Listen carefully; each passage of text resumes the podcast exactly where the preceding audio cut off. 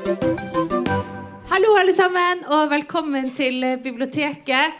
Mitt navn er Marie Amdam, og det er veldig kjekt å ha dere her igjen. Vi har jo hatt eh, arrangement stengt lenge, men nå håper vi at vi skal få lov til å ha åpent framover. Og forhåpentligvis for alltid. Eh, takk for at dere har kommet her i dag. Dette her er jo første runde i en eh, serie vi skal ha framover, og også eh, i løpet av høsten. Vi er veldig glad for å ha selveste Bård Ose på plass her i dag. Han er en populær mann i Bergen, som vi ser. Og mange kjenner han jo godt fra NRK, ikke minst fra radioprogrammet Pils. Og han er en formidler av rang, og da ikke minst særlig av bergensk musikk.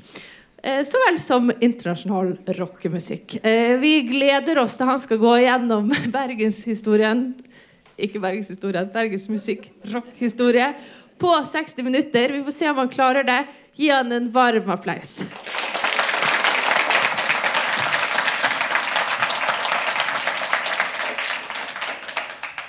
Tusen takk. Skål.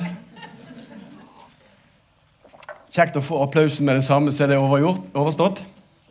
tilfelle dette her går skeis. Eh, 60 år med, rock, eh, med bergensrock på 60 minutter. Jeg fant ut at det, det, det, var sikkert greit å gå gjennom. Og så når jeg da begynte å jobbe med dette foredraget, så fant jeg ut at 60 minutter hmm, Jeg får ikke med alt. Eh, da må jeg ha 60 timer.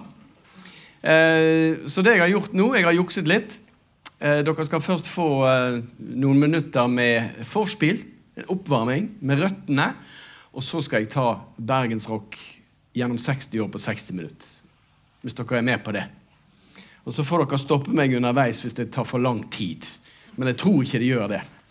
Eh, før eh, vi kommer til eh, selve bergensrocken, så må jeg bare si et par ting når det gjelder det der med, med Bergen og musikken her. Så vi har alltid vært forut for vår tid. Er det mange her som ikke er fra Bergen? Er det noen her fra Oslo? Er det noen her fra Trondheim? Trondheim? Jeg skulle ha vært trønder, men heldigvis min far fikk jobb i Bergen.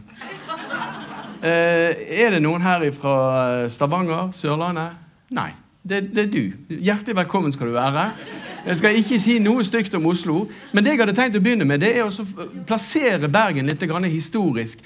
Alltid vært forut uh, for sin tid når det gjelder musikk. Det er i denne byen her at de første countrybandene kommer.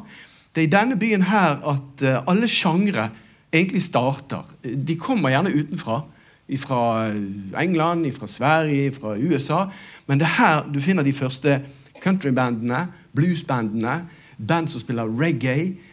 Punkerne var faktisk før ute her enn i Oslo. Du har uh, hardrock og heavy metal og metallmusikk generelt. Og du har også funk, fusion, synthpop, EDM Er det det det heter? Electric Dance Music på sånn keyboard. Alt sammen begynner egentlig i denne byen her, før det sprer seg over resten av landet. Og Det er litt dumt, fordi vi har vært for tidlig ute. og Derfor er det veldig mange av gruppene fra denne byen her som ikke har fått sitt store gjennombrudd. Og så er det mye lettere, har vært i hvert fall, for artister her i Bergen og på Vestlandet generelt å reise til England enn det er å reise over til Oslo. Dere skal få et par eksempler på det i løpet av foredraget. Men jeg kan jo bare nevne ett eksempel først. Kings of Convenience. Man skulle jo tro at det var lett for de å komme seg til Oslo for platekontrakt der. Men nei da. Der ble de sendt tilbake igjen, for de, de satset ikke på visepop. I stedet så reiste de til London og fikk kontrakt med det selskapet som de fikk nei fra i Oslo. Så selskapet i, i eh, England sendte bare tordentale av et brev til Oslo. Det var sikkert noen hoder som måtte rulle òg. Eh, også her i denne byen at norsk rock første gang fremføres med norske tekster. Ove Tue var tidlig ute, og det var til og med på nynorsk i denne byen at de første uavhengige plateselskapene kommer. På Askøy av alle steder, når Ellison starter sitt eget plateselskap. Uh, og hvor kom den første Idol-vinneren fra? Han kom herfra. Ja, Arne er inn, er, Vi er rause i Bergen. Og det vil dere også merke, at alle som flytter til denne byen, er bergensere. Uansett hvor de kommer fra, om det er fra inn- eller utland. Uh, og så må jeg få lov å understreke én ting. og Det er det at det kommer til å bli ganske mange bilder av menn på denne veggen. Men kvinnene Kvinner har alltid hatt en stor, sentral rolle i bergensrocken. Hadde ikke det vært for en kvinne, så hadde ikke vi hatt den bergensrocken som vi kjenner i dag. Og så kan jeg også bare nevne at Den første sologitaristen, kvinnelige sologitaristen var her fra Bergen. Elin Jensen. Så er det litt forskjeller på Bergen og de andre tre byene. Du har, eh, I Oslo så er de veldig inspirert av det som kom fra Sverige. Og Derfor er det at dere har veldig mange syngedamer og syngemenn eh, på Østlandet. Og du har danseband, veldig mange danseband som ligner på svenske. Og du har eh, også ren pop. Reiser du til Trondheim, så var de alltid litt treigere enn oss. Eh, der var det stort sett inspirasjon også fra Sverige. Jeg mener, Mens vi her i Bergen hadde saft, så hadde de gluntan. Bare for å sammenligne litt. Men etter hvert så oppdaget de rock'n'roll, som de kaller det. Takket være Åge og den gjengen der. Eh, så Trondheim har alltid vært flink til å spille tøff gitarrock som er fengende. Og Reiser du til Stavanger, så finner du bare band som har lyst på Elseng og her er det moro og Tore Tang. Der er det gladpop og gladrock. Kommer du til Bergen, så er vi så jævla sinte. Vi er så veldig sånn Enten er vi sinte, eller så skal det være veldig høy kvalitet på det. Så bruker gjerne tre-fire år på en plateinnspilling som vi ikke hører forskjell på. Men det har vi alltid lidd litt av. At vi skal være så fordømt flinke. Og det er vi jo. Så det er da eh, lille forspillet mitt. Eh, I Bergen så var vi veldig påvirket av musikken fra Storbritannia og Amerika. Det betyr at vi var ikke så interessert i all den dansemusikken. Så hvis dere gikk på dans Noen av dere var på dans på 70-tallet. Ja. Ikke noen her som var på 60-tallet. Det var litt for tidlig. Er det? Og du? Var du det?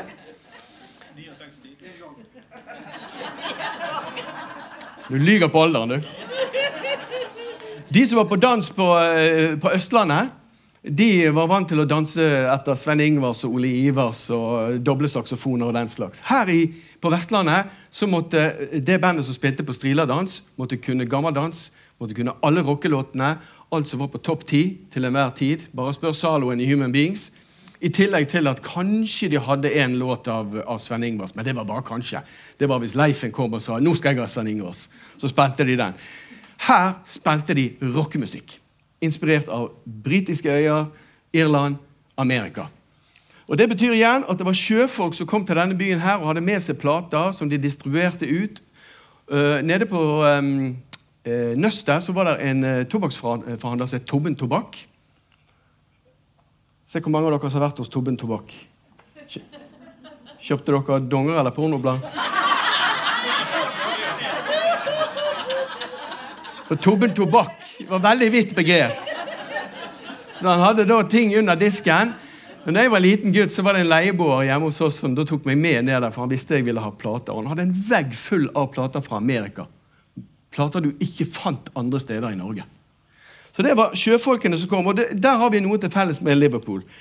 Nå har jeg snakket altfor lenge i den introduksjonen, men likevel, nå begynner vi straks Nå begynner vi straks på 60 år. På 60 minutter. Men dette her er bare for å vise dere eh, røttene til bergensrocken. Røttene. Det er de første rockerne.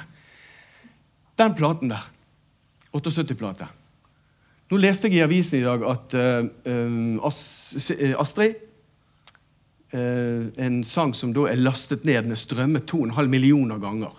Det, betyr, det er et veldig imponerende tall, men det betyr at den sangen er spilt 2,5 millioner ganger.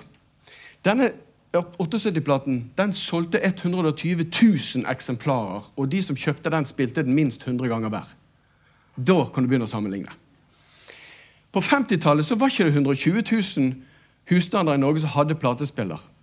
Men den platen der, 'Blåveispiken', gjorde at folk i Norge kjøpte seg platespiller, for de skulle ha den. Så veldig mange reisegrammofoner, sveivegrammofoner, ble kjøpt samtidig som de kjøpte én plate. Og jeg er så gammel at jeg, Da jeg begynte å jobbe hos Ole Bjerke i plateforretning, så opplevde jeg akkurat det at det kom en kunde inn som hadde lyst på en plate med ABBA, men han hadde ikke platespiller. Og Derfor kjøpte han platespiller. Han kom inn og så skulle han ha I Do, I Do, I Do. Uh, kan jeg få høre den først? Ja, ja, så hørte han han. Og så Selger dere platespillere? ja, på andre siden. Dette er Kurt Foss og Reidar Bø. Det er, de, det er de første rockerne i, på her på Vestlandet. Fordi Musikalsk? Nei. Men hva er egentlig rock? sant? Er det en livsstil? I så tilfelle så var Kurt Foss og Reidar Bø de første rockerne. Dette her var gutter som reiste på heiseturer. Turneene deres kunne konkurrere med det som senere var med Rolling Stones. og, og den slags. De reiste en gang på en turné i Sverige og brukte opp alle pengene på festing. Så til slutt hadde de én spillejobb igjen. Da ringte de til eh, managementet, kontoret i Oslo, og så spør de kan dere sende oss litt mer penger, for nå er vi tom. Vi, vi har ikke penger til toget hjem. Og dagen etter, når de kom ned i resepsjonen, så lå det to togbilletter der. For sikkerhets skyld. Ok, da begynner vi. Det var introen. Et lite eh, forspill. Den mannen der er Sverre Fåberg, som hadde vært til sjøs og kom til eh, Bergen eh, midt på 50-tallet. Hadde med seg 78-plater med Elvis og begynte å synge Elvis. Og Det var ikke så mange som skjønte det her i denne byen, for da hadde ikke Elvis slått til. Men han fortsatte å spille i band, og så startet han The Swinging Ballads og kalte seg Davy Dean. Davy etter Davy Crocket og Dean etter James Dean. To store helter. Og Grunnen til at jeg har valgt akkurat det bildet, der, det er fordi de står, de står med sånne eh, høreklokker. Ser dere det? Ja, og Det der er jo den tiden når det var bare monoplater, antageligvis, for de har bare én klokke. Eh, og Det bildet er tatt i en av platebarene i Bergen. Sannsynligvis i den platebaren der kiket til Sverre Forberg jobbet. Berit Sørum. For hun var nemlig litt, litt for grei. Når bandene etter hvert i Bergen hadde hørt på Radio Luxembourg at det var kommet ut en ny plate med den og den gruppen, så løp de ned i butikken og spurte Berit har du den nye til, til, til Hollies. Ja, jeg har den. Jeg kan vi få høre den? Så gikk de inn i, i hver sin bås, og så hørte de, og så begynte de å skrive ned teksten. En gang til, Berit! Ja, Og så var det en gitarist. Han måtte skrive ned grepene. Hva faen spilte han der? Hva spilte han der? Så det bildet der er tatt nærmest for å vise hvordan de øvde inn låtene den gangen. Og når det gjelder David Dean, han fortsatte jo også uh, i, med, med countrymusikk. Og enkelte av de gruppene som var med å starte det som ble Bergen Beat, hadde litt rare uh, instrumentsammensetninger. Eh, Bergen Beat var jo et fenomen som startet pga. to ting. Det ene var at Rolf Wesenlund skulle over til Bergen og spille inn en visegruppe som het Saluskvintetten. Og det skulle foregå eh, i utgangspunktet i NRK sitt studio som lå borte i, i eh, Krøpelinhuset. Eh, men så kom da Rolf Wesenlund over, og de hadde rigget til i studioet til NRK. og Det skulle ikke koste så mye.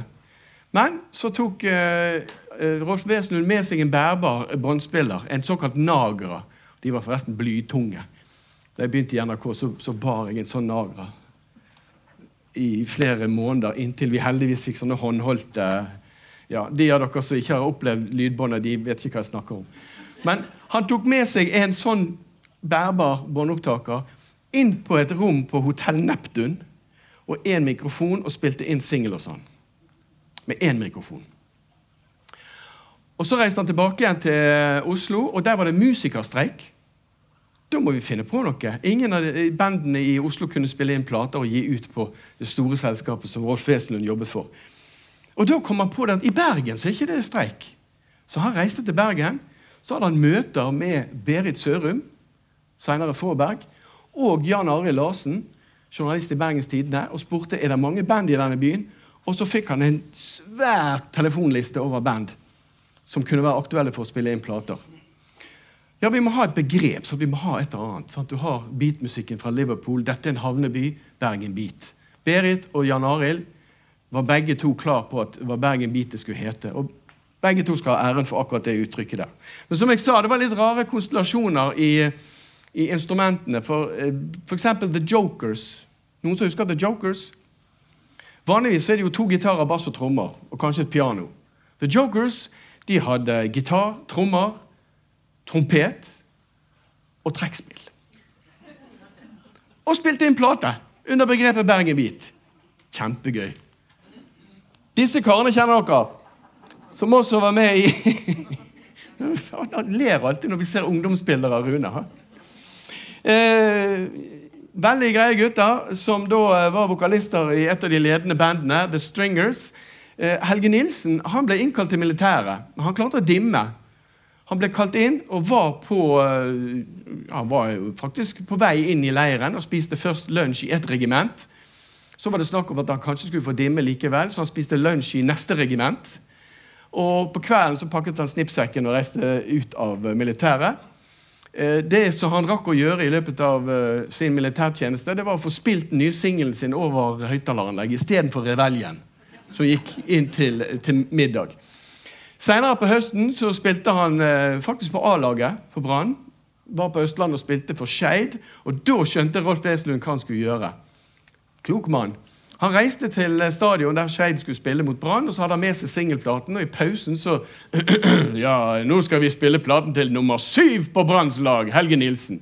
Så spilte de faktisk den over høyttalerne. De skulle lanseres i Tyskland.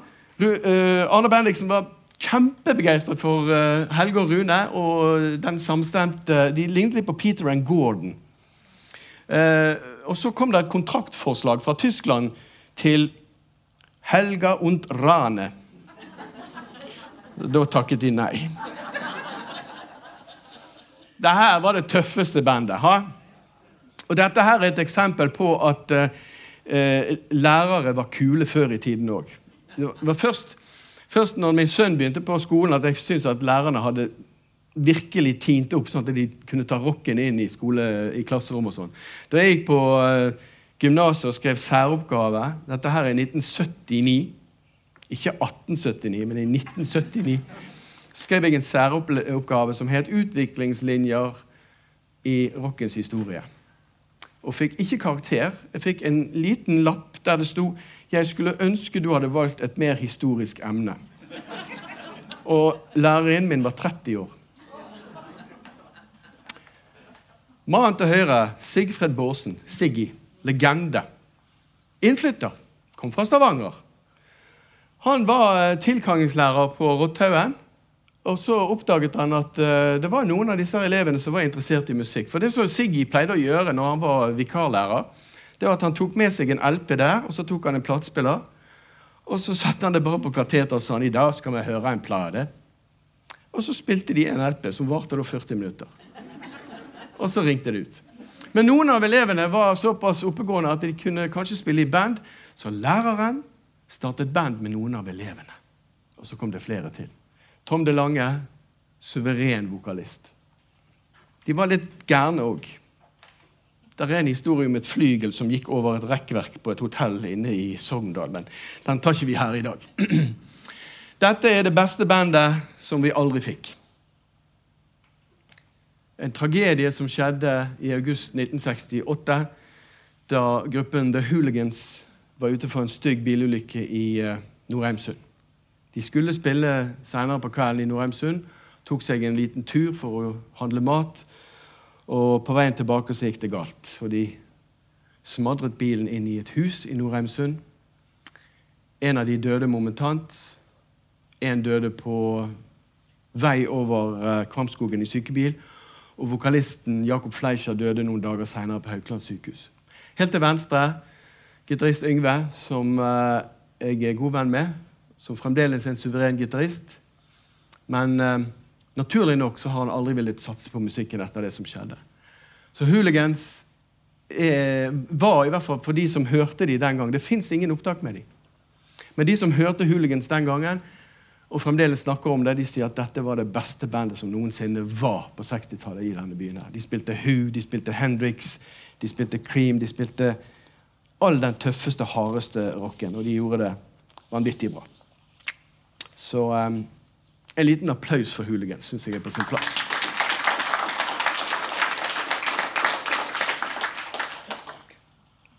Så er det dette her med musikksjangre som resten av landet aldri altså De har ikke hørt om det engang. Og så går det noen år, og så er det plutselig veldig hot i Oslo. For da har de fått det fra Sverige eller Tyskland eller Amerika. eller sånt. World music kalte de det på eh, 80-tallet. Da Peter Gabriel og en del andre artister begynte å blande orientalsk musikk inn i rocken. Det var, hadde jo skjedd lenge før det. Jeg husker jo Led Zeppelin gjorde jo det med indisk musikk allerede på 70-tallet. Men på 80-tallet så ble det jo veldig hot. Men denne trioen her, bergensere Rune Valle til eh, venstre, 18 år gammel. Nina Johansen til høyre, 18 år gammel. Og inderen Satnam Singh. Første internasjonale band innenfor rockebegrepet i Norge. Oriental Sunshine. Startet i 1969. Og Det startet med en duo med Rune og Nina, som vant en konkurranse i NRK som het Talent 69. Noen som husker den? Talent 69. Og vi så de to. Jeg var jo liten drittunge. De er fra Bergen! De er fra Bergen! Og de hadde vært på Manger folkehøgskole. Eh, der de hadde møtt hverandre og startet denne duoen. Og Rune Valle var veldig interessert i Østens filosofi og visdom og, og musikk. Eh, mye takket være George Harrison i The Beatles. Så han gikk hen og kjøpte seg en sitar. Den første sitaren i Norge. Så vant de den talentkonkurransen, og så tenkte de vi burde jo kanskje hatt med en ekstra. Kanskje en som spiller fløyter. Og Så gikk de tur i byen, og så ser de plutselig en inder med turban. Wow! En inder. Vi følger etter han. Han spiller sikkert noe. Han spiller helt sikkert et instrument. Så de fulgte etter han opp på Nygårdshøyden. Hele veien opp. Og Før han skulle gå inn på studentsenteret, så stoppet de han. Og jo da, han spilte fløyte, og han spilte tablas. Og, ja, bli med! Så Sånn ble altså da trioen Oriental Sunshine til. Og De laget én LP Dessverre så gikk ikke det så bra, fordi Nina valgte å flytte tilbake til Østlandet. Faren døde, og hun følte et stort savn etter han. Satnam Singh fikk ikke oppholdstillatelse, selv om han studerte her. Så han flyttet til København og ble en privatpraktiserende advokat der.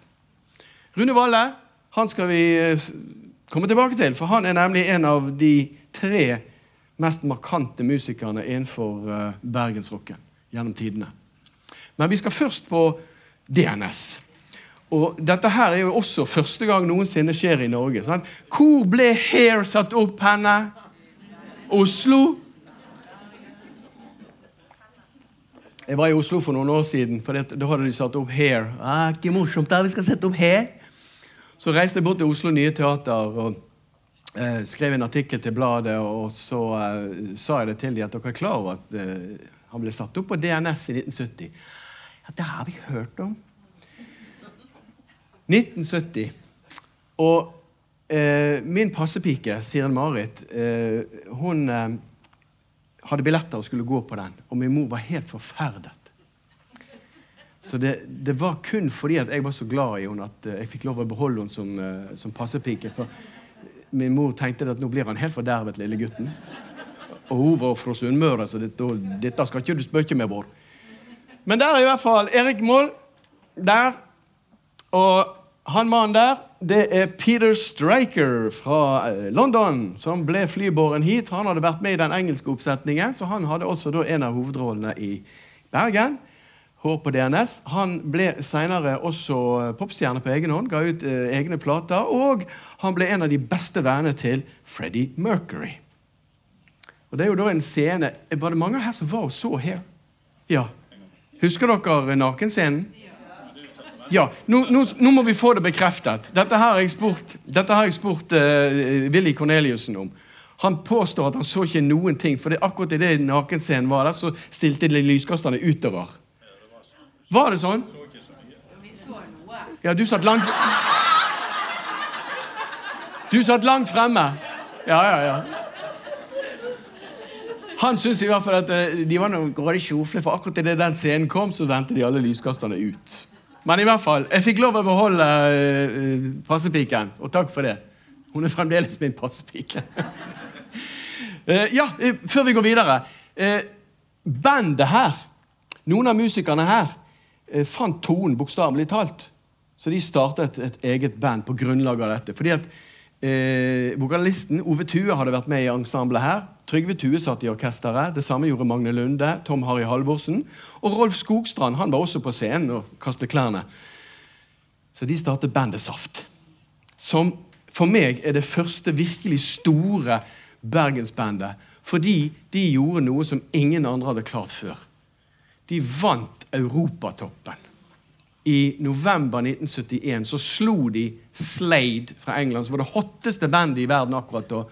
De slo alle sammen og gikk til nummer én med People in Motion. Og når vi hørte den platen på radio Vi var jo elleve år gamle. Vi, vi, kunne ikke tro at det var en plate som var laget i Norge.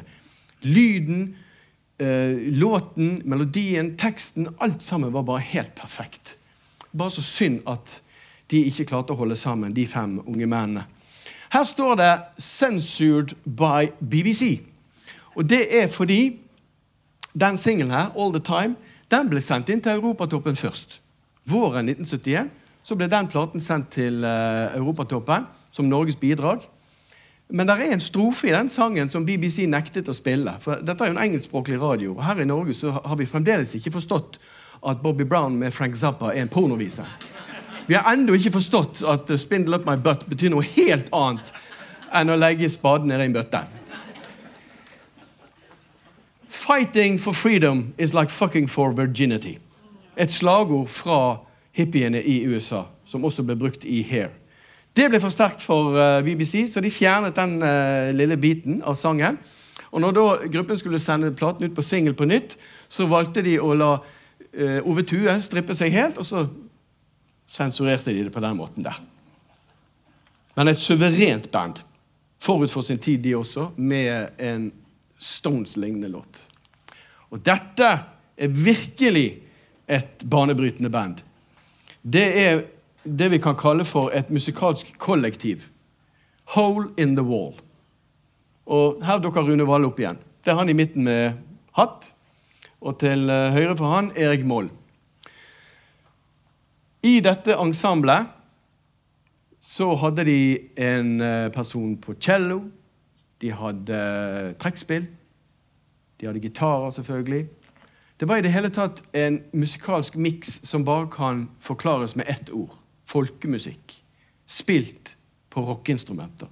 Så dette er det første folkrockbandet i Norge.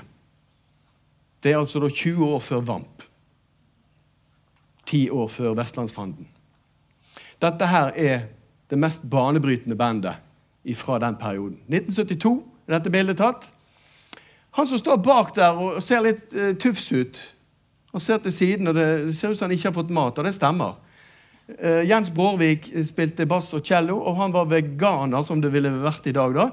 Uh, og fikk jo da uh, bokstavelig talt sjokk når denne gjengen skulle ut på turné. For på hvert eneste fergeleie så spiste de hotdogger over en lav sko. Så han sluttet i bandet pga. matvanene. Han, tålte han spiste ikke mye på fergene, for å si det på den måten der. Men de laget noen helt fabelaktige gode band. Og de samarbeidet også med Sigbjørn Bernhoft Osa. Og det samarbeidet det tok Rune Valle med seg inn i en ny utgave av Saft. Så dere husker helt sikkert Ragnarok-festivalen, der eh, Saft og eh, Sigbjørn Bernhoft Osa spiller sammen. Rockeband og Mesterspillemannen.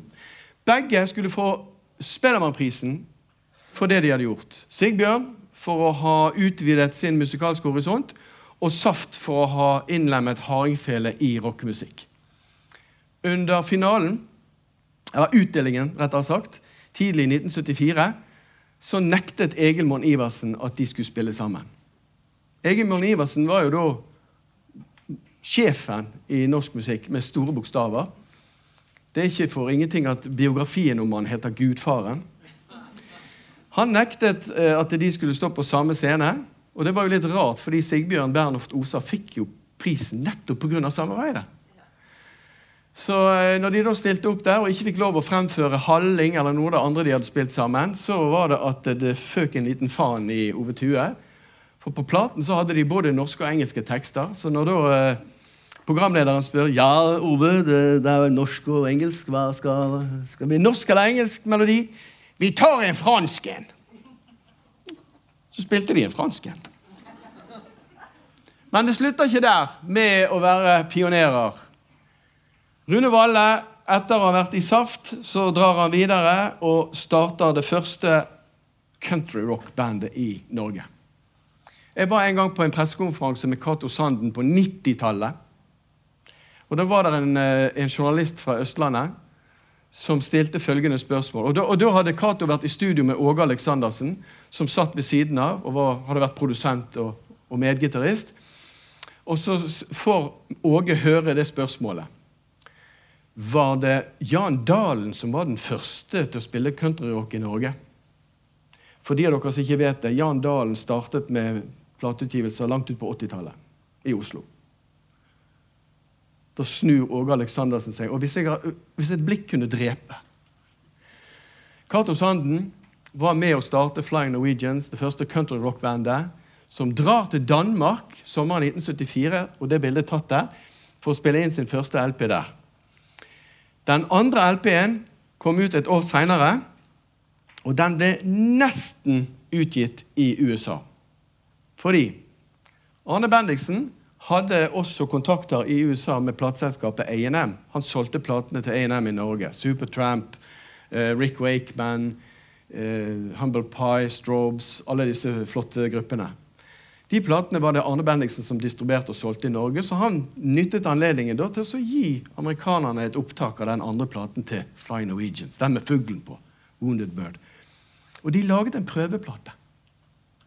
Så de var på nippet til å bli utgitt i USA. Og da hadde jo karrierene til disse her fem karene vært helt annerledes. Eh, grunnen til at de valgte å ikke sende den ut på markedet i USA, var to ting. Det ene er penger. Det er alltid snakk om penger der borte. Og det andre var at engelskuttalen var ikke helt. Var ikke helt så de, de, trodde ikke dette ville slå an i USA. Men de likte veldig godt han gitaristen. Rune Valle. Så når da et amerikansk band kom til Skandinavia for å turnere her, og de fikk høre den platen, så spurte de kan vi få høre den fyren live. Ja, eh, de skal spille i Bergen, på et sted utenfor Bergen. Haukås heter det. Ozark Mountain Daredevils, som da på den tiden, i 1976, uh, eh, solgte nesten like mye plater som Eagles. Det var før Eagles hadde tatt helt av med Hotel California. Så da hadde de litt konkurranse bl.a. fra Ozark Mountain Daredevils. Tenk dere da! Da reiser der seks langhårede amerikanere og en sjåfør herfra. De holdt konsert i Bergen.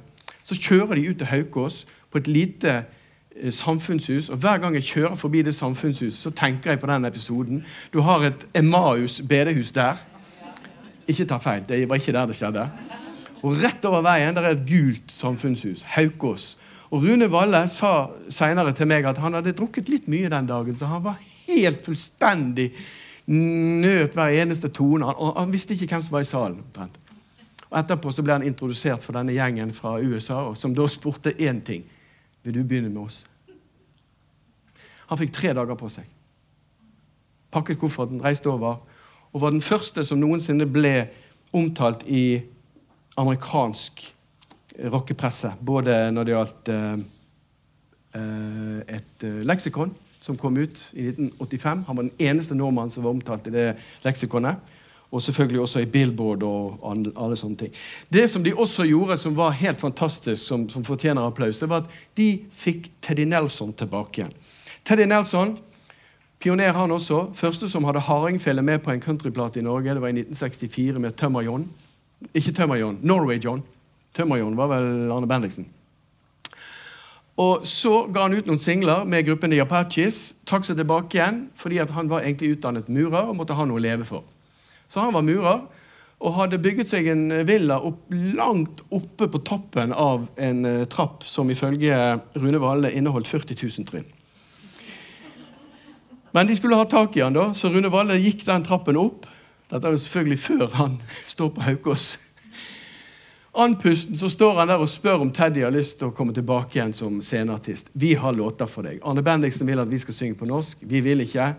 Kan du synge de? jeg kan gjøre et forsøk. Og kommer i studio og synger inn Diggi Liggi. Ja, takket være den gjengen her. Som uh, backet uh, Johannes Kleppevik på hans plater. Uh, de var i det hele tatt veldig viktige for norsk for Ikke bare Bergens, men norsk musikkmiljø. De vurderte å kalle seg flyvende tømmermenn når de spilte sammen med Teddyen, for det, det var ganske fuktig i studio. Men det står 'flyvende nordmenn' på de forskjellige platene. Ok, Før vi tar en bitte liten uh, tominutters pause, så må vi jo innom denne karen her. Jeg regner med at alle her har vært på konsert med Jan Eggum, så jeg skal ikke gjenfortelle noen av de vitsene han har der. Uh, det eneste jeg kan si, han, han pleier å, å, vitse med at han har hørt noen si Vil du være med på Jan Eggum-konsert i kveld? Uh, nei, jeg har det ille nok. Men jeg ble kjent med Jan Eggum takket være min far. For han viste seg nemlig på TV, og så sier min far Øy, han her må du komme og høre på. Og så kommer jeg inn i stuen, og så synger han på bergensk. I helsike, hvor flaut. Men han sang på bergensk. Og han bare sang så fantastisk gode låter. Han ville egentlig synge på engelsk, for han ville bli popstjerne. Så når han var tenåring, så pakket han kofferten, og så reiste han til London og bodde i London i en bitte, bitte liten hybel der han skrev bl.a. sangen 'Alone Awake', som ble til 'En natt forbi'. Så det vi hører i den teksten, 'Min krok er kald og gulvet griner', det er den lille hybelen som han bodde i, på toppen av en pub i London. Og det han jobbet med, det han tjente penger på, det var å vaske opp. Og så fikk han lov å synge litt i pausen. Og han fikk én anmeldelse i en uh, engelsk avis, og den var veldig rosende, men han fikk ikke noe platetilbud. Så i 1973 så reiste han hjem igjen til uh, Bergen og Laksevåg for å dø. Som han sjøl sier det. Han var ferdig med livet. Og Der klarte de, uh, foreldrene å få han opp igjen av sofaen, og han oversatte alle sangene sine til norsk. Reiste til Oslo sommeren 1975 og uh, oppsøkte plateselskapene. På det ene selskapet der han spilte 'De skulle begrave en kongestor', 'Brautende Breia', han sang 'Kjære halvbror', så sier bare platedirektøren 'Kan ikke synge på den dialekta der'. Ut. Og så var det en som satt ved siden av. Bassisten i The Vanguards, Johnny Sareussen, satt ved siden av. Så når Jan Eggum da var kommet ut på gangen, så løp han etter og så sa han, 'Jeg vet hvem du skal snakke med. Bli med meg.' Over til et annet plateselskap, CBS, der det satt en eh, komponist som senere var veldig kjent eh, radiomann også, Christian Lindemann. Han hadde Norsktoppen i mange år. Og når Christian Lindemann fikk høre Jan Eggum, så bare tok han frem en kontrakt, og så skrev han fem. Fem LP-er. Det var helt uhørt i Norge den gangen. der. Du fikk kanskje kontrakt på én LP hvis du var heldig. Christian Lindemann sa det at jeg måtte bare la være å høre at det var dialekt. Han var så jævla god. Jeg kunne ikke si nei. Fem LP-er fikk Jan Eggum kontrakt på. Så det er strålende. Eh, før jeg tar bare, Vi skal høre en Jan Eggum-sang, sant? Ja. Eh, så skal jeg bare drikke litt vann og, og få igjen pusten. Jeg har tatt vaksinen, så jeg begynner snart å besvime. Men eh, Nei da. Det går helt fint. De av dere som ikke har tatt den, det, det, er bare en fryd. Han har flyskrekk, som han har klart å kurere. I mange år så tok han bare båten eller bussen eller toget til spillejobbene. Men så til slutt, så, når han da hadde vært medlem av Gitarkameratene, så var det at han oppdaget at eh, oi, jeg får jo tilbud om å spille i morgen der. Nei, da må jeg ta, må jeg ta fly. Så han tok et flyskrekkurs. Uh, og så var det en gang at han var oppe i Nord-Norge på turné. Så forsov han seg til en spillejobb. Det, det, har dere sikkert hørt om. For det var en avisartikkel om akkurat det. Uh, så han ringte jo da til flyplassen og spurte om det var flyet godt. ja. ja, men vi har, en, vi har en kar her som driver med hobbyflyving. Så du kan være med han. Og det var jo sånn to seter. Ok. Så Jan Eggum tenkte det. ok, Fire Paracet og så av gårde. Så han satte seg inn i det lille flyet, da, og det er jo en cockpit der du sitter veldig tett. Og når du da har lukket døren, så er det en sånn liten hendel, og hvis du kommer borti den hendelen, da er det Russland neste. Så han satt nå der, da, og flyet tok av, og ja, det går bra, dette her. Og de var kommet på en sånn strekning der det var bare flate veien. Og si flate veien ble bort. Da sier plutselig han, eh, han flygeren Eh, kan du ta stikk av deg? Ja. Jan holdt i den stikken. Ja. Jeg må bare hvile litt, sier han. Du bare, bare sikter på det fjellet der borte. Så la han seg tilbake, og så sovnet han. Og Der satt Jan og tenkte nå holder jeg livet i hendene mine. Og etter en halv time så, så Ja, nå kan jeg overta igjen. Og etter det så er i hvert fall Jan Eggum kurert for all flyskrekk.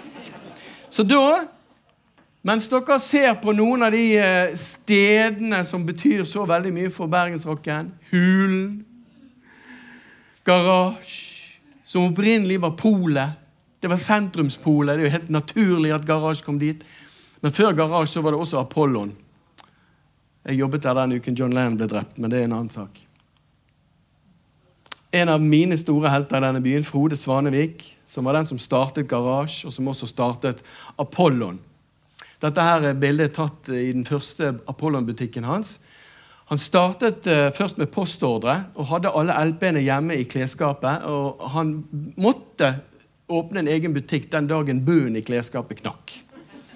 Så han startet nede på Nøstet, og så var det oppe på Klosteret, og så ble det nede der som garasje var, og etter hvert så overtok denne mannen, suverene engelen, Bergens Tidende hadde en gang en reklame der det sto at alle aviser skriver om musikk, men bare vi har engelen. Det er bare Bergen som har engelen. Så vi hører en Jan Eggum-sang, og så er jeg tilbake igjen om to minutter.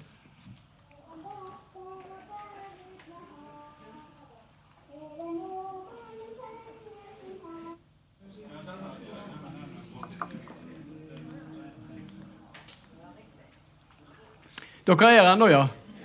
Det er bra. Jeg var redd for at noen av dere var Jeg orker ikke mer. Nå er det jo sånn at det, eh, de, de, vitser jo i resten av landet om at vi bergensere er så glad i å prate. Vi prater hele tiden. Jeg er jo ikke bergenser. Jeg er jo født i Kristiansand og skulle egentlig være sørlending. Uh, I nabolaget til Mette-Marit. Men så vokser jeg opp her i stedet. Og, takk for det. Fordi dette her er jo en helt fantastisk by å vokse opp i hvis du er interessert i musikk. Frode Svanevik gjorde mer for uh, min musikkinteresse enn noen annen i denne byen. Uh, dels fordi at han startet platebutikken Apollon, men også fordi at han, uh, han tok meg på en måte inn i en sånn gjeng. jeg jobbet litt hos han da, flyttet, da, han hadde flyttet butikken ned til der som Garasje etter hvert ble. Eh, og så beholdt vi vennskapet og hadde en felles lidenskap for å bestille plater fra Japan. av alle ting. For Han var veldig interessert i musikk utover jobben sin. Eh, han bestilte så tunge høyttalere at de måtte ha en gaffeltrøkk for å få de inn i huset hans. Før han fikk de inn i huset, så måtte han eh, sikre gulvet med sånn bærebjelke. Og så spilte han vanvittig høyt. Alltid vanvittig høyt. Og Hvis du da skulle sitte og prate med han samtidig, og han røykte sigar, så spurte du om han om noe, så sa han 'Hæ?!' Og engelen kjenner dere jo. En helt fantastisk eh, mann som har viet omtrent hele livet sitt til uh, musikk. Første gang jeg ble kjent med engelen, da var han ekspeditør i en fotoforretning. Så han hadde vanvittig peiling på fotoapparater før han uh, tok seg jobb i, på Apollon, og også som skribent i Bergens Tidende. Der er vel ikke en eneste musiker i denne byen her som ikke kjenner engelen. Ok, del to. Nå har vi hatt 30 år med Bergens Rock på 30 minutter. Nå er det de neste 30, og de begynner med punken. Eh, som eh, ikke, ikke starta i Bergen. Det er ikke sånn å forstå at, at, det var her de første punkene var. For de var vel kanskje tidligere ute i Oslo. Men det var her de første gode punkbandene var. Og nok en gang så er det dette her som er så morsomt i Bergen. Vi er så inkluderende. Så hvis det kommer noen hit og har lyst til å gjøre noe, så tar vi vel imot dem, selv om de er fra tjukkeste Østlandet og har feil dialekt. Men de aller verste gjorde Bergen til sin base, startet eh, et eget plateselskap, Den gode hensikt, og ga ut en singelplate som ble sendt til uh, den mest kjente radiodiskjockeyen i England, John Peel, som spilte den uten å skjønne et ord. Han spilte sangen 'Blålys' på engelsk radio. Purken røner forbi med sirener på. Jeg savner deg slik du skulle vært her nå. Those nosy bastards from Norway, sa John Peel. Fordi at de sendte plate nummer to også og skrev ah, You better play this one as well. De aller verste, som også ga ut uh, en av uh, platene som regnes for å være blant de aller viktigste i uh, norsk rock, nemlig den materialtretthet. Og de hadde også en veldig fin sånn de, de, koblet musikken sin med det estetiske. Så de hadde gjerne plateomslag der du så omslaget, så trodde du at det var Oi, det der er jo et fotgjengerfelt. Nei, det er et plateomslag. I stedet for at det står en mann sånn, så står han og danser. Og det er da denne gruppen her som, som gjør til sin greie. Så materialtretthet det er den eh, dropsedam, den stupedama på dropsbakken. sant? Veldig snedig gjort. Et supert band. Men egentlig så var ikke dette det råeste i Bergen. Selv om punkerne var der, og de spilte høyt og fort og hardt. Og det var to andre rockeband som egentlig var råere i uttrykket. Og Hvis du hører på platene til Tornerose og Allison, da snakker vi. Tornerose stilte opp i NM i rock eh, i 1979 og burde egentlig ha vunnet, hadde ikke det vært for at de hadde ikke det samme sceneshowet som Broadway News fra Oslo. De hadde jo effekter og lignet på The Tubes fra, fra USA. Men Tornerose er hederlig andreplass. Og Året etter så var det Ellison som vant NM i rock rett foran nesen på The Kids. Og det var ikke platebransjen forberedt på. Det er en litt stygg historie. For finalen den fant sted i Trondheim. Og alt lå til rette for at The Kids skulle vinne. Platekontrakten var klar, for det var førstepremien. Og så kommer Ellison og tar privatfly, 20 000 kroner, fra en spillejobb i nord ned til Trondheim. Vinner! Og det var ikke arrangørene klar på. Allison dro tilbake igjen til neste spillejobb i nord og fikk aldri platekontrakt. Fikk aldri se noen penger på konto. Ingen premie. Flyreisen måtte de dekke sjøl. The Kids fikk platekontrakten.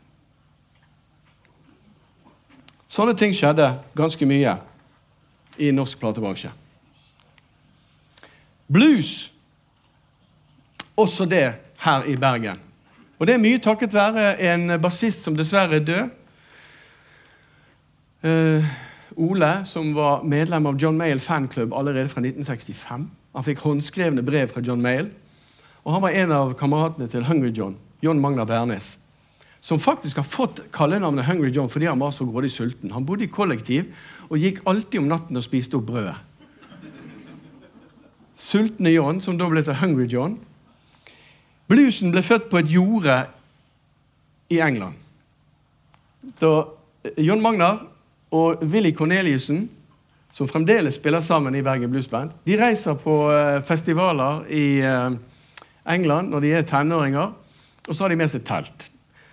Første gang de reiste over, så eh, kom de så seint av gårde at eh, når de da gikk i land med båten fra Bergen til Newcastle, så tok de bare og haiket til et stykke, og så var det midt på natten, og de lurte på hvor skal vi slå opp teltet. Og Så fant de noe som lignet på gress. Så de satte teltet sitt opp der, og så la de seg til å sove. Og Dagen etter så kjente de at det stinket ganske heftig. Har vi lagt oss i nærheten av en kloakk eller noe sånt?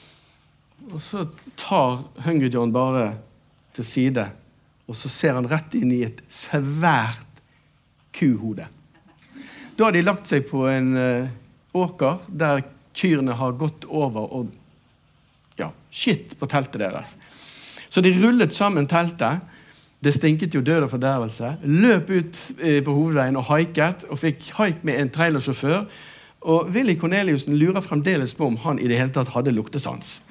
Men bluesen ble i hvert fall født på et jorde i uh, England. Da de kom tilbake igjen etter å ha vært på festivaler, så starta de Bergen Blues Band. Det samme gjelder funk, fusion, soul.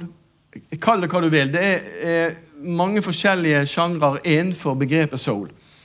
Og Toril Sivertsen og Tomboy de forsto musikken. Det gjorde de også i andre steder av landet. I Oslo så var det jo Inger-Lise og søsteren May-Britt som hadde bandet Chipaua. De spilte veldig bra, men de spilte bare coverlåter. Altså andres sanger. Tomboy komponerte jo sjøl. Per Hansmark var jo en gudbenådet komponist. People Get Moving. Så når de da lager den første platen sin og gir den ut i 1985, så blir bransjen så imponert at de tenker at nå skal vi forsøke å satse i utlandet. For inntil da så hadde det vært helt umulig for et norsk band å hevde seg i utlandet. Det skjer to ting i 1985 som snur opp ned på musikkbransjen i Norge. Og dette her, Det som skjedde da, var like stort for oss i 1971, da Saft vant Europatoppen. For i 1985 så går a-ha til nummer én i USA. Det skjer vel like inn i 1986 med Take On Me. Men så er det jo også at Norge vinner Melodi Grand Prix. Og De to tingene gjør at Norge plutselig er satt på kartet. Så CBS, det store internasjonale plateselskapet i Amerika, som har Michael Jackson i staven sin, som har Mariah Carey, som etter hvert også har Céline Dion, de har lyst til å gi ut Tomboy i USA. Men nok en gang penger. Det stoppet litt på økonomien. Og Dessuten så var de litt for tidlig ute med sin fjerde plate. For da utvidet de eh, soul-begrepet til å inkludere såkalt dance music. Det som ble så populært i eh, England på 90-tallet. Og det skjønte ikke nordmenn noen, noe av. Så den fjerde platen til Tomboy solgte dessverre altfor lite i forhold til hvor nytenkende han var. Og nytenkende det er stikkordet for alt som skjer i Bergen på 80-tallet. Og nå er vi tilbake til det som jeg sa i sted, at bergensere er litt for opptatt av at det skal være så bra. Det skal være kvalitet, kvalitet. Vi skal være så flinke. Og så er vi sinte samtidig. Det er de to tingene som, som kan kobles. Jeg sa i sted at kvinner har utrolig mye å si for denne byen og denne, denne altså musikken. Berit Sørum, Berit Faaberg. Hadde ikke vært for henne, så hadde ikke, hadde ikke guttene i Bergen kunnet synge en eneste sang riktig. De hadde ikke lært seg grepene på sangene engang. Og uh, som jeg nevnte, Elin Jensen var den første kvinnelige sologitaristen i Bergen Beat-perioden. Kjersti Bergesen burde hatt noe helt annet enn tid for hjem på TV. Tid for musikk skulle hun hatt. Det hun har vært gjennom av nytenkende ting i denne byen her. Først punk og new wave med Parkens grøde. Og så eh, world music. Helt enestående med Kendang. Det var så forut for sin tid at de, de skjønte ingenting i Oslo når Kendang kom med sin først mini-LP og så sin fullspiller-LP. Og så dette tredje store prosjektet, som er Secret Mission, der de virkelig fordyper seg i syntpopen fra 80- tidlig 90-tallet. Også det er ganske så nytenkende. Her er de i studio og eh, lager uh, prøveinnspillinger til sin andre av to plater. Og da er Kåre Kalvenes litt sånn Ser dere at han er litt starstruck? Altså Han er litt sånn han, han, han tror ikke helt at det er sant at gitaristen til David Bowie kommer for å være produsent på platen. Men Mick Ronson kom. Og han var produsent for Secret Mission sin andre plate. Mick Ronson var han som spilte med David Bowie på Siggy Stardust, uh, Hunky Dory, Changes, Aladdin Sane. Alle de største hitene fra 70-tallet. Hun har til og med sunget i Grand Prix. Vet dere det? Go, go og se på meg nå. Ja, du kan den, du. Nei. Som Jan Eggum sier, Kjersti Bergesen, her skal det være applaus.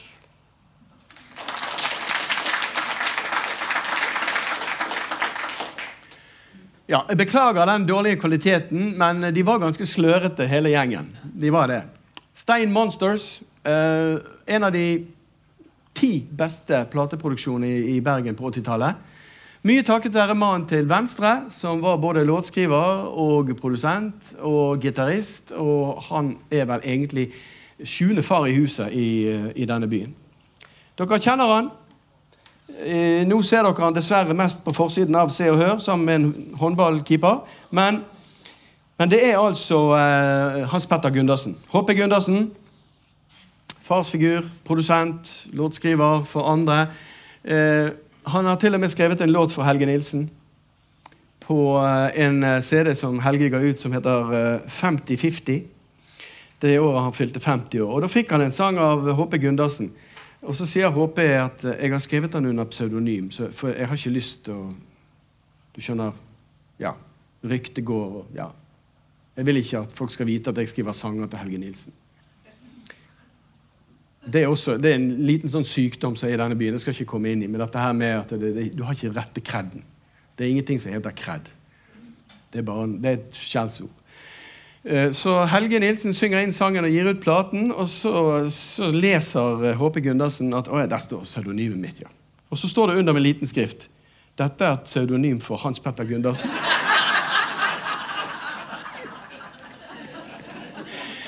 Den hadde han godt av. Dvergene! Nå kommer vi inn på noe som er veldig viktig. og Det er noe som startet egentlig med rockerne Kurt Foss og Reidar Bø, og så fortsatte de med uh, den som var enda mer rockete, nemlig Ivar Medås. De det, det var helt utenkelig for de å ikke synge på morsmålet. Ove Tue var den første som tok stafettpinnen for alvor, og som sang rockemusikk på norsk, til og med nynorsk. Fjøsvise, Søv du, uh, Vatn og ved osv. Men du, må, du, måtte først langt ut på 80-tallet før rockebandene i Bergen tok den stafettpinnen videre. Og Der var dvergene ganske tidlig ute. Dette bildet er tatt uh, under lanseringen av den første LP-en de gir ut. En klase bananer og en enkel seng. Uh, og det som dvergene gjorde i tillegg til å skrive fantastisk gode sanger, det var at de forsto det der med at du må synge noe som folk har lyst til å nynne på. Du må lage noe som er iørefallende. Så I tillegg til at de skriver norske tekster, eller bergenske tekster, så lager de noe som, er, som ligner på det de lager i Stavanger. Eller i Trondheim. Allsang. Og Jeg hadde en diskusjon en gang med eh, en som skulle da se Mods på Stavanger stadion. De har jo så mye gode låter! Ja, ok, Hvor mange har de, da? Ja, De har jo Tore Tang. Vi går aldri alene. Ja, har du en tredje? Meg må du hilse på. Så jeg sa, Den har ikke jeg hørt. Så sa jeg til han hvis dvergene hadde gitt seg etter sine to LP-er, noe som Mods gjorde De laget to LP-er, så ga de seg. Hadde det samme skjedd i Bergen? Torsdagsfisken, God morgen Fredriksen. Det er allsang, allsang. Men dvergene holdt ut. I stedet for å gi seg, så har de holdt ut, og de spiller fremdeles. Brødrene Grønhaug er dessverre de eneste gjenlevende fra dette bildet. her. En fantastisk gjeng. Som også laget bok. Eh, og mens vi først er inne på sånne påfunn som denne gjengen gjorde De hadde en gang pressekonferanse på Kaland kafé. Har dere vært på Kaland kafé? Det er jo ikke plass til hele bandet engang der. Det var jo så lite. Når du kom inn på den pressekonferansen, så ja, her er vaflene, takk. Så tok jeg en vaffel der og en kopp kaffe. Og så satt da bandet, omtrent som det var Hollywood, med hver sin mikrofon. Og svarte, skulle svare på spørsmål. Og alle spørsmålene som ble stilt, så så de på hverandre, og så sier en av dem «Eh, Der er mer vafler. Det var en sånn surrealistisk opplevelse. Og den surrealismen den elsker jeg, for den finner vi i, de, i denne byen. Der er humor overalt. Altså, Ludvigsen er jo herfra. Gustav Lorentzen jo, er jo bergenser. Kunstner Ludvigsen kunne jo ikke kommet sammen hadde ikke vært for en bergenser. Og den humoren, den gærne humoren som de har. Så Hvis dere kjenner til et band som heter MaxX Det er pseudonymet for Reidar Karlsen, som uh, var postmann og deltidsmusiker, og også kunstner. Og eh, når MaxX da fant ut at han skulle starte seg et band, men det var så dyrt å ha med seg utstyr og sånn, så øvde han inn. Han, han forsøkte å øve med en sementblander som rytmeboks. Han hadde ikke råd til å kjøpe seg en rytmeboks, så han, han øvde foran en sementblander. Måtte gi opp fordi at sementblanderen gikk ikke i takt, påsto han sjøl. Men det er sånne påfunn som jeg elsker i denne byen her. Åh. På 70-tallet kalte vi det supergruppe. Jeg, jeg, jeg kaller det de tre p-ene. Pogo, Pompel og Piddien og Petter. De fire, selvfølgelig. De fire pene. Eh, dette her er, er, musikere som tok arven fra dvergene og tok den en generasjon videre, selv om de kom hakk i hæl. For er, når disse her starter i band, så er de tenårer. Dette er etter min mening den beste låtskriveren innenfor bergensrock. Innenfor rock laget av bergensere. Det er Frank Hammersland som uh, skrev de aller fleste sangene i det første bandet sitt, Pogo Pops, som fremdeles spiller av og til. Og som også skrev de aller fleste sangene til Popium, og som har gitt ut plater på egen hånd. Senest i fjor kom der en fenomenal plate fra han. Per Arne Fjelstad, Piddien, som startet bandet Pompelende Pilts sammen med uh, Frodis Underland.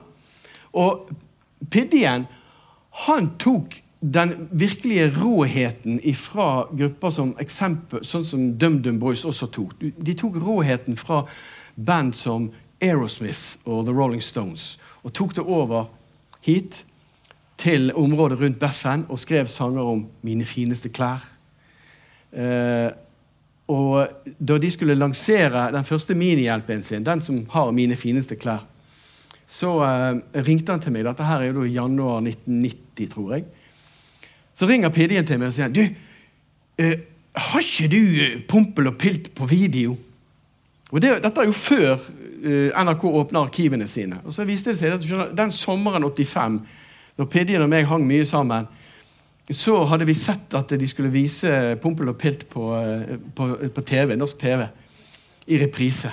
Og Da satt vi klar med videoen, og så tok vi opp hver episode. Eh, så det eneste, Jeg har aldri sagt det til sjefen i NRK, at jeg lånte vekk videoen. Gjorde han det? Han lånte den til deg. Er det du som har den?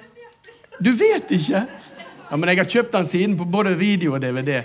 Men poeng, Var du i hulen på sleppefesten? Poenget er i hvert fall at de viste alle fem episodene av Pompel og Pilt på storskjerm før Pompel and the Pilt kom på scenen. Og så er det da Petter Folkedal, sergeant Petter. Og han hadde til og med eh, platen sin eh, i engelsk radio. Eh, og der var det jo folk i BBC som da hadde hørt på platen og syntes den var kjempefin. Uh, og her i Norge så var det mange som la merke til den første platen til Sergeant Petter. Og alle syntes det var et veldig gøyt navn. Sånn. Sergeant Pepper, ha-ha-ha. Inntil uh, det var noen som fikk vite at uh, Brian Wilson i The Beach Boys Det skulle komme en dokumentar om albumet Pet Sounds og hans karriere. Beach Boys laget albumet Pet Sounds i 66, og det var inspirasjon til albumet Sergeant Pepper. Og så, når da filmen vises på norsk TV, så har den da fått en oversetter som da har hørt litt for mye på han. Og der står det da Jeg skulle gjerne hatt stillbilde av når Brian Wilson sitter der, og så sier han Paul McCartney, unnskyld, Paul McCartney sitter der, og så sier han Without, uh, without pet sounds, there would be no No Sergeant Pepper, sier han. Og så er det oversatt med Uten Pet Sounds. Hadde ikke det vært for den, så hadde vi ikke hatt Sergeant Petter. En fabelaktig gjeng som da altså troppet sammen for noen år siden og har laget flere eh, gode plater. Ja Doddo og Unge frustrerte menn, som også tok dette med norske tekster et hakk videre. For han var mer, mer inspirert av Jan Eggum enn de gruppene, de, de, flere andre gruppene vi har vært innom nå. Så han er på en måte den nye generasjonens Eggum. Mange trodde at det var Eggum når de hørte slanger og snegler på radio. Uh, men uh, da han kom med 'Jeg vil bare ha en mann', da var det jo ikke så mange som trodde det var Jan Eggum. Men dette bandet her var på en turné sammen med Jan Eggum akkurat samtidig som denne platen ble sluppet. Og Da var Doddo først inne og sang noen av sine sanger, og gikk av scenen, og så kom Jan Eggum inn og spilte med det samme bandet. Uh, og den ene sangen 'Jeg vil bare ha en mann', den er jo sunget fra en kvinnes synspunkt. Eh, og Doddo han var så dristig at han fremførte noen av sangene sine alene på Traktøren en kveld før, før, han gikk i studio. Og når han hadde sunget denne, så var det en som reiste seg og gikk i protest. 'Er du homo, heller?' Og gikk. Og når han kom i studio og presenterte sangen for de andre, så, hørte, så var det bare en som satt og sier 'Det største drit jeg har hørt'. Men han fikk i hvert fall trumfet gjennom, og han fikk til og med laget en video der Herborg Kråkevik ligger i sengen ved siden av Doddo og synger. Så du hører stemmen til Doddo, men du ser det er vår kjæres, uh, alles kjære Herborg som synger. Ok. Dette er Willy Marhaug, gitarist og vokalist i Poor Rich Ones. Spellemannprisvinnere. Som soloartist under navnet William Hutt så har han laget noen av de fineste platene fra denne byen. 'Take It Easy' er det han som har laget. Fremført første gang i radio med bare kassegitaren hos meg. Han sa 'Jeg skal synge en ny sang'. Den heter 'Take It Easy'. Å ja, sa jeg. Eagles. Hæ? Han hadde ikke hørt den sangen. Da Willy var 14 år, så var de med på en sånn kulturmønstring i Hulen. Der de fikk lov å spille. Og Da var de to gutter og to jenter i bandet som kalte seg Poor Rich Ones. Og Willy er ganske liten av vekst. og har veldig lys stemme. Og Han var ennå ikke kommet i stemmeskiftet den kvelden han skulle spille. Jeg var der. Jeg ble ganske imponert over den lille tassen som, som sang. Men før han gikk på scenen, og dette fortalte han etterpå, eh, så var han så nervøs. Og de, de fikk jo ikke drikke. De, de, var jo selvfølgelig, de, de har jo egentlig ikke lov å være i julen. Men de fikk altså da fire cola hver som, som betaling. Og Det var de veldig stolte av. Så han drakk jo to cola før han skulle på scenen og ble veldig tissetrengt. Og kom inn på, på eh, doen i hulen, og urinalene der. Så så han måtte stå så høyt han kunne på tærne, og akkurat så vidt lirke tissen over. Og da kom der en eldre kar inn og så på han. Og tenkte hm, hva gjør han her? Og etterpå så, så han den samme fyren stå foran eh, scenen og bare klappe og nikke.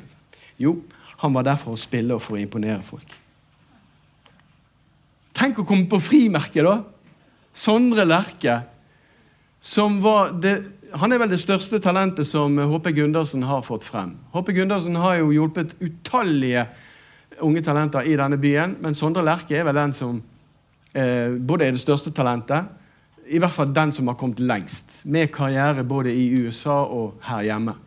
Og Sondre Lerche eh, hadde en, en, lykkelig barndom, men i, i, likhet med de aller fleste andre som er mest interessert i musikk, så, eh, så er du veldig mye for deg sjøl i oppveksten. Og det, det likte Sondre å være. Og han sto ofte opp om natten når han hørte moren spille musikk. Og han kom tassende hver gang det var a-ha. Så han er vokst opp med en mor som sikkert betydde mer for hans musikalske utvikling enn de aller fleste andre. Vi må ha kvinner inn. Ephemera, et fantastisk band som også skal holde nye konserter, så vidt jeg vet. De ble også lagt merke til i utlandet. På en av turneene deres eh, i Norge, så fikk, eh, når jeg fikk høre etterpå om den historien, så fikk jeg sånn flashback til de turene vi hadde på 70-tallet. Vi skulle spille på dans ute på Osterøy og ikke komme opp bakken. Og du hadde da, eh, og så kjekk du under, så så du at bensintanken lå hang og slang. Og da var det om å gjøre å spise masse Hubba Bubba og feste denne der eh, bensintanken så du kom deg opp bakken. Så jeg trodde jo at den tiden var forbi. jeg når Ephemera da reiser ut på en norgesturné. Nei da.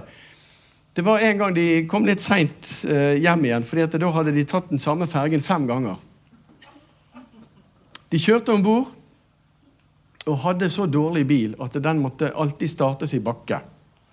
Så de parkerte alltid på toppen av en bakke, så når de skulle kjøre fra spillejobben, så rullet de ned og uh, fikk bilen i gang. Eh, problemet med denne tur, fergeturen var at det var fjære. Så de kom ikke over De kom seg ikke ut av fergen. Så de måtte ta fergen frem og tilbake fem ganger for å vente på Flo. Og først når Floen kom, så kunne de rille av. Og Jannike Larsen, et av medlemmene, hun lå og sov hele tiden og skjønte at det var en grådig lang fergetur. Hvor, hvor, er vi henne? sant? Det gikk jo bra. Hvis det er noe som denne byen er kjent for i utlandet, så er det metallmusikken. Det er det. Uh, dessverre mye pga. Uh, en tragedie og noen kirkebranner. Uh, men heldigvis også pga. grupper som dette. Dette er Enslaved, som uh, har gjort stor karriere. Og sannsynligvis har gjort seg mer bemerket for musikken sin i Europa enn noe annet band fra denne byen de siste 30 årene. Eh, til å begynne med så ble jo Mange av disse platene som eh, kom fra Bergen innenfor metallen, de ble jo spilt inn i Grieghallen studio. Uh, og Pytten fortalte en historie Han drev jo Grieghallen studio, og det var jo ikke et stort studio. Sant? Det var jo halvparten av dette rommet her. Og i det halvparten av dette rommet så hadde de halvparten var selve studio, og resten var miksebord, toalett, sofaseksjon, instrumenter. Men når da disse tyske metallbandene kom, og de kom kjørende forbi Grieghallen, så sier sjåføren Han yndet å si det hver gang. 'Her er Grieghallen. Disse i Grieghallen studio, ja?' Wow! Det var like før tyskerne kom tilbake igjen. Rapping. Bergen. Spetakkel. Lars Vaular. Det er her de er. Og uh, disse her karene her, de, de var jo var jo litt uh, Har vi lov å si fantete? Men Guest, Gunnar Greve, er jo en av de som har gjort det best innenfor uh, norsk musikkliv som bakmann. Uh, og får frem den ene etter den andre, også i utlandet. Men det gikk litt til hodet på dem. Og et av medlemmene, det var vel Pidde eh, kom en gang om bord på et fly når de hadde da vært i Oslo og holdt en konsert. og Så kommer han inn på flyet og så ser han at det er noen som har tatt feile plasser. De har tatt plassene hans. Og så gikk han bare bort og sier han, jeg vet ikke om dere kjenner dere spetakkel, noen av sangene deres. Så gikk han bare bort til en av de og sier han, hei du, S-rocker, P-rocker, flytt dere. Rapping så det holder. Hopper litt frem, fordi at nå ser jeg at det nærmer meg eh, 65 minutter. Eh, dette her er da eh, faktisk favorittbandet til Finn Tokvam og meg. Rassika. Som eh, Ja, for, for det første så er det jo Musikken går i arv. Det er jo datteren til Yngve Mo, superbassisten, som er et av medlemmene. Marie, som jobber her, er et annet medlem. Det som denne, denne gjengen her gjorde, det var at de viste for alle andre unge jenter, både i Bergen og resten av landet, at dette er noe som vi fikser minst like godt som guttene. Ikke ha noen som helst form for underdanighet. Kjør på. Altså, De ga selvtillit til en hel generasjon unge musikere, inkludert min datter. Eh, så kan jeg jo bare legge til da, at de laget noen fenomenale låter. De gjorde jo det òg. Ok, vi skal, ikke, vi skal ikke avslutte med dette, men, men vi er altså da Vi skulle begynne på, på kaien i Bergen, og det har vi gjort med Tobin Tobakk og musikken som kom fra USA. Og Sverre Forberg som sang Elvis før noen av de andre hadde hørt om han. Men vi skal altså da ende opp på et eh, gutterom på, oppe i Fana. Det går an. Sitte på et gutterom og stake ut en milliardindustri. Noe Kyrre har gjort. Så all, all honnør til uh, Kygo for det han har klart å få til. Ikke bare musikalsk, men også som forretning. Men vi skal ikke, vi skal ikke slutte der. Jeg har ett siste bilde, og det bildet eh, det forteller det, det forteller veldig mye. For det første så forteller det at det er mulig å komme helt inn i kongehuset, selv om du har viet livet ditt til eh, noe så usømmelig som rockemusikk. Det er det flotteste bildet jeg vet om. Det er Dennis Reksten.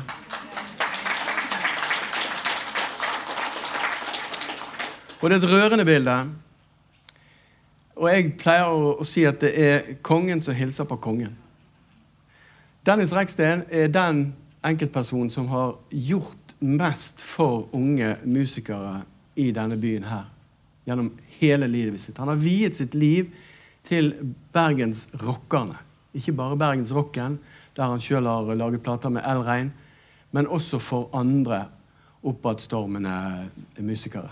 Jeg ble kjent med Dennis eh, på 70-tallet. eh, Og ble jo selvfølgelig imponert over den musikken han kom med etterpå med, med L-Rein. Men jeg har aldri møtt en mann som har vært så lite selvgod og har et så lite ego som Dennis Reksten i, i bergensrocken, i hvert fall. Han reiste rundt Dette vet dere kanskje ikke, men i mange år så var det han som syklet rundt i Hordaland med plakater og hang opp alle mulige konserter som ble arrangert av Stageway eller eh, Bergen Musikkby. Altså alle sammen. Og han gjorde ingen forskjell på hvem det var. Hvis det var Ole Ivars, så hang han opp plakatene. Han gjorde jobben sin. Så det står det respekt av. Så med Dennis, kong Dennis, som hilser på eh, kong Harald, så sier jeg eh, at vi er i mål med 60 år på 65-66 minutter. Så eh, jeg håper dere likte det.